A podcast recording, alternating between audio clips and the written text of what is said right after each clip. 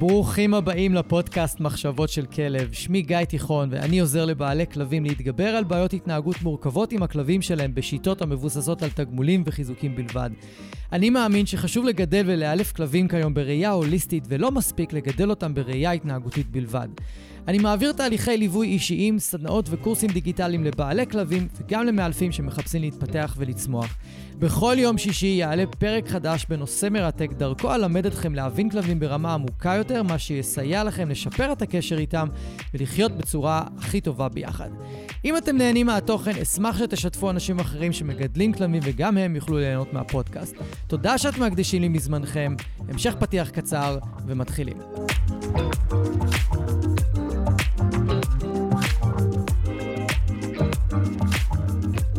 אהלן וברוכים הבאים לפרק מספר 105 בפודקאסט מחשבות של כלב. איזה כיף שאתם כאן. היום אני רוצה לחזור לאיזושהי מתכונת שעשיתי שנה שעברה ולא הצלחתי מפאת חוסר זמן לחזור אליה, ואני עושה מאמץ גדול כן לחזור למתכונת, והיא של פרקים קצרים שעולים באמצע השבוע. הפרק הזה עלה ביום שישי בגלל סיבה מיוחדת שתיארתי אותה בפרק 104, שגם עלה היום. עלו שני פרקים היום. המתכונת היא כזאת שאני רוצה ללמד אתכם איזשהו עיקרון או איזושהי שיטה או משהו בקטנה, שתוכלו להבין טוב יותר את תחום האילוף כלבים ותוכלו להבין טוב יותר עקרונות ושיטות נקודתיות ואולי אפילו סיפורי מקרה מאוד קצרים, פשוט להכניס אתכם לעולם של האילוף בצורה הרבה יותר ממוקדת, מה שנקרא לייזר פוקוס, ובפרקים הארוכים אנחנו נשארים אה, עם תכנים שהם יותר מורכבים ודורשים זמן להסביר, וצריך להכניס אתכם בהדרגה לתוך כל התוכן או להעביר אתכם איזשהו תהליך. והיום אני רוצה לחזור לעשות את הפרקים האלה עם פרק מיוחד על שיטת ההצפה. ואני אסביר קודם כל מה היא בכלל. ואז נדבר על הבעיות שיש בשיטה הזאת, ולמה בעצם מאלפים שהם פורס פרי לא בוחרים להשתמש בהצפה כאופציה ראשונה, הם תמיד יבחרו בה כאופציה אחרונה, או שהם יימנעו ממנה לחלוטין ולא יעיזו להשתמש בה עם כלבים שהם רגישים ומאוד חרדתיים. בגלל מה שאני אספר לכם עכשיו, אתם תבינו למה אנחנו נמנעים מהשיטה הזאת, למה יש לה פוטנציאל נזק עצום לכלב שלכם, במיוחד אם הוא רגיש, במיוחד אם הוא חרדתי. ו... אז במקום שאני אמשיך להסביר לכם, בואו פשוט נצלול לתוך השיטה עצמה ולתוך הגישה. אז מהי בכלל אה, שיטת ההצפה לעומת שיטת הדסנסיטיזציה עליה בפרק אחר? אז הצפה הינה שיטת טיפול התנהגותית אשר פותחה על מנת להכחיד פחד מאובייקט או מצב מסוים באמצעות חשיפה ישירה למושא הפחד, כלומר, חשיפה מעבר ליכולת של המטופל להתמודד, והחשיפה נעשית עד שתגובת הפחד של המטופל יורדת מתחת למה שהיא הייתה מקודם, או במינימום חוזרת להיות אה, המצב הרגיל. זאת אומרת ש...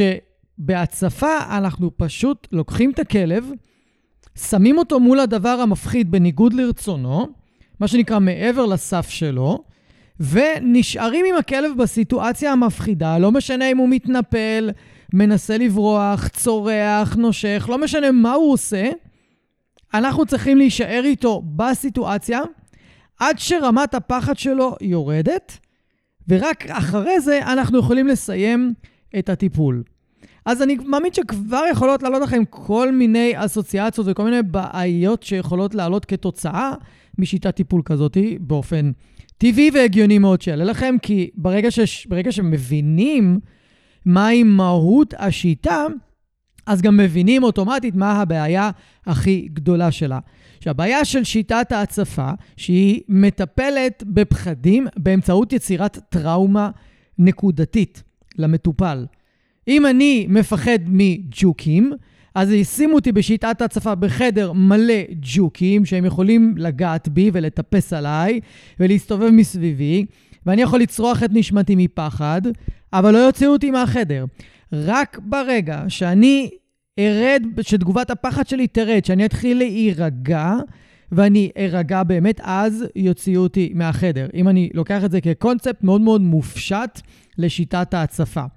עכשיו, היום, כשמדובר על שיטת הצפה בבני אדם, אז היא יכולה להתנהל בצורה אחרת לגמרי ממה שהיא פותחה על ידי תומאס סטמפל שבשנות ה-60, שהוא זה שבעצם המציא אותה. והוא המציא אותה כדי להתמודד עם פוביות ספציפיות בצורה של הפצצת המטופלים בגורמי הסטרס שלהם. עכשיו, בפרוטוקול הטיפול שלו, הוא מתאר את השיטה כטראומטית ולא נעימה, ולכן הוא מציין את זה. שהיא דורשת הכנה מקדימה לפני שאנחנו עושים הצפה למטופל. זאת אומרת שאתם לא יכולים פשוט לקחת את הכלב שלכם ולהציף אותו בדבר המפחיד ולהגיד, אה, אני מטפל בו בשיטת ההצפה. זה לא עובד ככה. והדבר הכי הזיה, הכי הזייתי היום, שמלמדים בבתי ספר כל מיני מאלפים, שכשככה אה, עושים הצפה, קחו את הכלב, ותכניסו אותו לסיטואציה שמפחידה אותו, והוא אמור להתמודד. זו שיטת ההצפה, והיא לא. מה שעושים בשיטה הזאת זה התעללות, זה לא הצפה. כי אם עכשיו הכלב שלי מפחד מאוטובוסים, וזה אחת ההנחיות הכי נפוצות שיש, קחו את הכלב לתחנה מרכזית ותחכו בתחנה המרכזית ותשבו שם עד שהכלב אה, נרגע ורק אז תלכו הביתה. לחלקם אפילו לא אומרים שהם צריכים להישאר שם עד שהכלב יירגע, לחלקם אומרים תלכו עם הכלב לשעה ואז תלכו הביתה. ותכף נדבר למה זה בעייתי נורא. כי מי שמתחיל את תהליך ההצפה הוא אנחנו, ומי שמסיים את תהליך ההצפה הוא הכלב, הוא המטופל, הוא לא המטפל, אוקיי? הוא לא המטפל. המטפל יודע מתי, אבל זה בהתאם לתגובה של המטופל. כמו שאמרתי מקודם, עד שתגובת החרדה של המטופל לא יורדת בשיטת הצפה, אנחנו לא יכולים להוציא אותו מהסיטואציה. אסור לנו. אחרת אנחנו עושים יותר נזק מתועלת. אם נוציא את המטופל, את הכלב, לפני שהתגובה שלו ירדה, אנחנו רק נגביר את תגובת הבריחה וההימנעות מהדבר שמפחיד אותו. כלומר, נגביר את תגובת החרדה של הכלב. וההזיה היא שמלמדים בבתי ספר היום את רוב המאלפים בארץ, שההצפה זה פשוט קחו את הכלב לתחנה המרכזית ותעשו לו הצפה, וזה טיפול. הוא מפחד לטייל, תוציאו אותו לטיול, תציפו אותו, תגררו אותו החוצה מחוץ לבית ותעשו איתו טיול ותעלו הביתה. הכלב מפחד מהאוטו, תדחפו אותו לאוטו, תעשו נסיעה, ו- וזהו, ולמקום שהכלב אוהב, וזהו. מה הבעיה? עוד פעם, אם עכשיו הכלב שלי מפחד מנסיעות, אני צריך להשאיר אותו באוטו, בנסיעה באוטו, עד שתגובת הפחד והחרדה שלו יורדת. אסור לי להוציא אותו מהאוטו עד אז. כנ"ל אם אני עכשיו לוקח אותו לתחנה מרכזית של אוטובוסים. אסור לי לצאת משם עד שתגובת החרדה של הכלב יורדת. זה המהות של השיטה. וההזוי, שכמו עם הרבה שיטות טיפול באילוף כלבים, בא מישהו, אני לא יודע מתי ומי, והחליט לעוות את שיטת הטיפול, והמציא איזה משהו חדש, וזה השתרש ב- בין מאלפים ועבר מדור לדור, כי בעצם התחום הזה לא מוסדר, אין לו אה, שום פיקוח, אז כל אחד יכול להגיד מה שהוא רוצה, מתי שהוא רוצה, כמה שהוא רוצה, ולא חייבת להיות איזה שום תמיכה במקורות מדעיים או שום תמיכה בשום דבר. ואז זה עובר מדור לדור, ויש מאלפים היום, צעירים, שהם כל כך משוכנעים שלימדו אותם את הדבר הנכון, שהם אפילו לרגע לא עוצרים שנייה להטיל ספק שרגע, המאלף שלימד אותי, המורה בבית ספר, הוא באמת מבין על מה הוא מדבר? הוא באמת ישב ובדק את כל השיטות האלה וקרא ו- והסתכל וחקר ו- ועשה את הבדיקות? או שהוא פשוט לקח את זה מהמורה שלימד אותו קודם, שזה אגב מה שקרה לי. אחד החסרונות, לצערי הרב, בשיטה או בבית ספר של אבני רז, היה, היה, הייתה, היו, שהיו חלק מהדברים שהוא לימד שהוא לא בדק אותם עד הסוף. ואני אחרי זה הייתי צריך ללכת ללמוד אותם לבד, ובעצם לתקן את ש... חלק משיטות האילוף שלי, כי המידע שקיבלתי ולימדו אותי היה שגוי. וזה קורה עד היום. ואם אתם מאלפים שמקשיבים לפודקאסט, אז אני מבטיח לכם שכשאני בודק משהו, כשאני מעביר איזשהו תוכן, אני הולך ובודק אותו ברמה הכי יסודית שאני יכול. כדי לא ללמד איזה שהם טעויות, כדי באמת להעביר את המידע כמו שהוא. עכשיו, למה זה מעצבן אותי כל הדבר הזה? כי שיטת ההצפה היא שיטה שהיא לגיטימית בעולם, במיוחד אצל טיפול בבני אדם. למה? כי אנחנו יכולים קודם כל להכין את הבן אדם למה הולך לקרות, ולקבל ממנו הסכמה כמה להציף אותו. נגיד עכשיו אני מפחד מג'וקים, אוקיי? אז המטפל שלי אומר לי, תשמע, ניסינו את כל השיטות האחרות, הראינו לך ג'וקים בתמונות ובווידאו, ונתנו לך לראות ג'וקים מאחורי זכוכית שאתה מוגן, ונתנו לך לראות אה, ג'וקים במלא מלא מלא מלא סיטואציות אחרות, אבל לא ניסינו עדיין הצפה. ואגב, היום מטפלים בוחרים בהצפה כמוצא אחרון, לא כמוצא ראשון. אין כמעט מטפלים שיבחרו בהצפה כמוצא ראשון היום. אין. אז אותו מטפל, אם הוא רוצה לטפל בי בהצפה, הוא יכול לשאול אותי, אולי לא נמלא את כל החדר בג'וקים. אולי נשים לך, אה, סליחה על התיאורים הגרפיים, אולי נשים לך ג'וק מת. אוקיי, הוא לא הולך לטייל, הוא ג'וק מת. או תהיה בחדר עם ג'וק והג'וק באקווריום. או, בוא, או אולי ג'וק שיסתובב, אבל זה רק אחד. ואז החרדה שאני אחווה כתוצאה מההצפה הזאת היא הרבה יותר נמוכה. זאת אומרת שבין המטופל למטפל יכולה להתקיים תקשורת, דרכה המטופל פשוט אומר למטפל, אוקיי, אני בחרדה מספר 5, אוקיי? הם יכולים לדרג לעצמם. הוא יכול גם לעשות את זה לפי דופק שלו, לפי קצב נשימות שלו. אנחנו ממש, המטופל והמטפל יכולים לבדוק מדדים פיזיולוגיים על המטופל, באיזה רמת חרדה הוא נכנס לסיטואציה, והאם רמת החרדה שלו ירדה ככל שהסיטואציה התארכה. ואז בעצם הם עובדים לפי הפרוטוקולים של השיטה הזאת. אז המטופל יכול להגיד למטפל, אני בחמש, אוקיי? ואחרי שעה, שעתיים, שלוש, ארבע, לא, משנה כמה, הוא יכול להגיד לו, אני בשלוש. אוקיי, מעולה, רמת החרדה ירדה, יופי, אפשר לסיים את, ה, את הסשן. אבל כשאנחנו באים לעשות את זה עם כלב, אין לנו לא אפשרות למדוד לו מדדים פיזיולוגיים. רוב האנשים לא קוראים מספיק טוב שפת גוף כלבית ולא יודעים לנתח ממנה את המצב הרגשי של הכלב. ורוב האנשים לא יודעים לעשות השוואה או להבין נכון את רמת הסטרס של הכלב. יוצא לי לא מעט פעמים לפגוש אנשים ואת הכלבים שלהם, והכלבים מאוד חרדתיים. ואני, יחד עם הצוות שלי, אנחנו מדרגים רמות חרדה של כלבים מ-1 עד 5, ש-5 זה הכי חמור. ואנחנו שואלים את, ה- את האנשים, תגידו, מ-1 עד 5, כמה הכלב שלכם חרדתי? כמעט כולם נותנים מספר אחד למטה. מעט מאוד מדייקים ברמת הסטרס של הכלבים שלהם. מהסיבה הכי פשוטה. הם רגילים לראות את הכלבים שלהם ככה. הם פשוט רגילים לראות אותם בסטרס. אז קשה להם להעריך את רמת הסטרס האמיתית של הכלב, אוקיי? ולפעמים רמת הסטרס של הכלב היא כל כך גבוהה, שאם אנחנו נציף אותו, אנחנו עלולים לעשות הרבה מאוד נזק, כי גם ככה, אם הכלב חרדתי מאוד, הוא ביכולת ההתמודדות שלו ויכולת ההכלה שלו של עוד דברים מפחידים היא מאוד מאוד נמוכה. בגלל זה, אם יש לכם כלב עם חרדת נטישה וחרדות באופן כללי בטיולים בחוץ, ואתם לא מטפלים בחרדות שלו בחוץ, כמעט בלתי אפשרי לטפל בחרדות שלו אה, בחרדת נטישה. כי הם משפיעים אחד על השני. יש, הוא צובר חרדה מבחוץ והוא צובר חרדה מלהישאר לבד. אז היכולת שלו להכיל את החרדה של להישאר לבד היא פחותה. צריך לטפל בחרדות בחוץ בצורה משמעותית, כדי שתהיה לו יותר יכולת הכלה להתמודד עם החרדה כשהוא נשאר לבד. ועכשיו, מה הקטע? בכל כך הרבה מקרים, ובבתי ספר למאלפים, מלמדים שהצפה היא טכניקה טובה לטיפול בפוביות ובחרדות קשות. ומה אנחנו לומדים מהפרוטוקולים של אה, תומאס סטמפל? זה שהצפה היא יותר טובה בטיפול בפוביות קלות, לא בפוביות קשות. אז מאחר והשיטה הזאת של הצפה היא לא מתאימה כל כך לפוביות חזקות ופוביות קשות, וצריך לעשות לה הכנה מוקדמת, אני תכף אסביר בכמה דקות מה זה אומר. וגם אנחנו יודעים מתי ניכנס, אבל אנחנו לא יודעים מתי נסיים את ההצפה, כי המטופל הוא זה שקובע אותנו, קובע לנו את זה, וגם... אין לנו תקשורת מספיק טובה עם המטופל, עם הכלב, כדי להבין מתי רמת הסטרס שלו ירדה, ככה שאנחנו יכולים לסיים את הסיטואציה.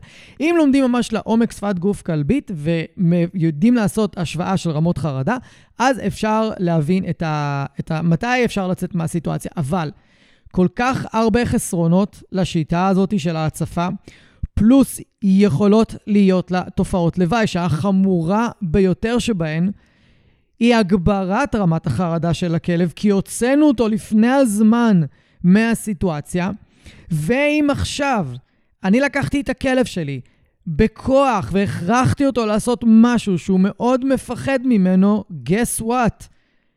אתם פוגעים קשות באמון של הכלב בכם.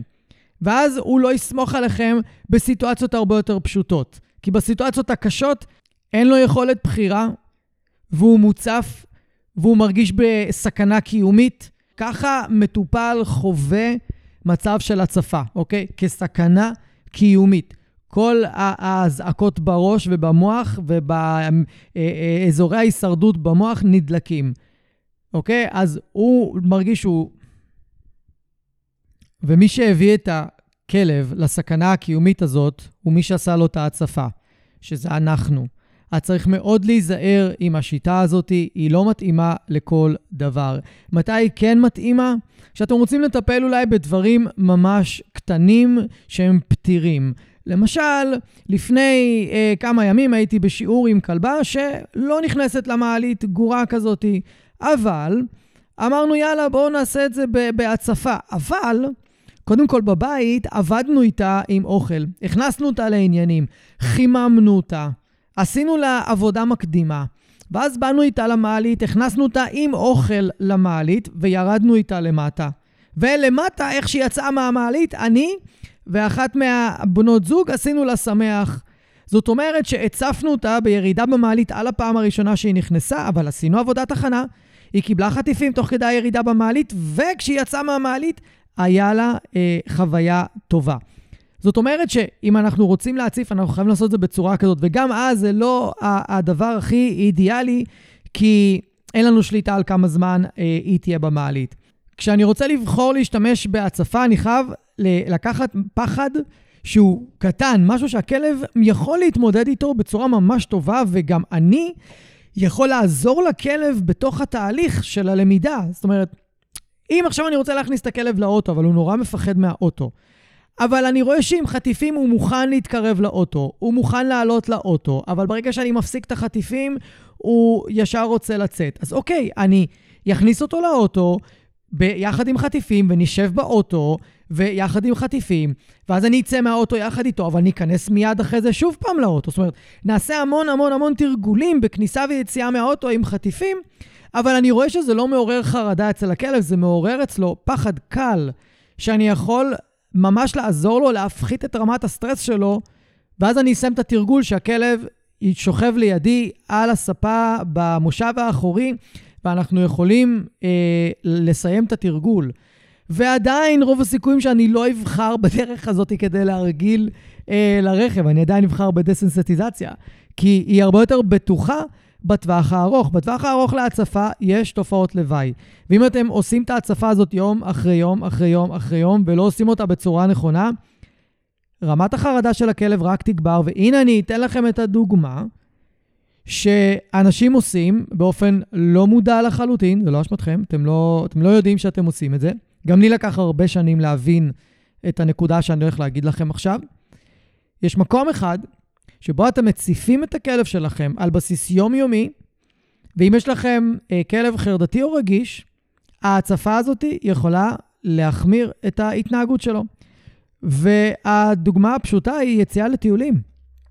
אם יש לכם כלב שמפחד לצאת לטיולים, או חושש לצאת לטיולים, או חושש באופן כללי בטיולים בחוץ, בכל פעם שאתם יוצאים לטיול, אתם מציפים את הכלב ואת המערכת שלו בגירוי שמפחיד אותו. ואם רוב הטיולים שלכם הם קצרים, והכלב לא חווה ירידה ברמת הסטרס שלו מהרגע שהוא יצא לטיול, אז בעצם עשיתם הצפה לא לפי הכללים שלה, וכשעושים את זה, נוצרת רגישות יתר, נוצרת סנסיטיזציה.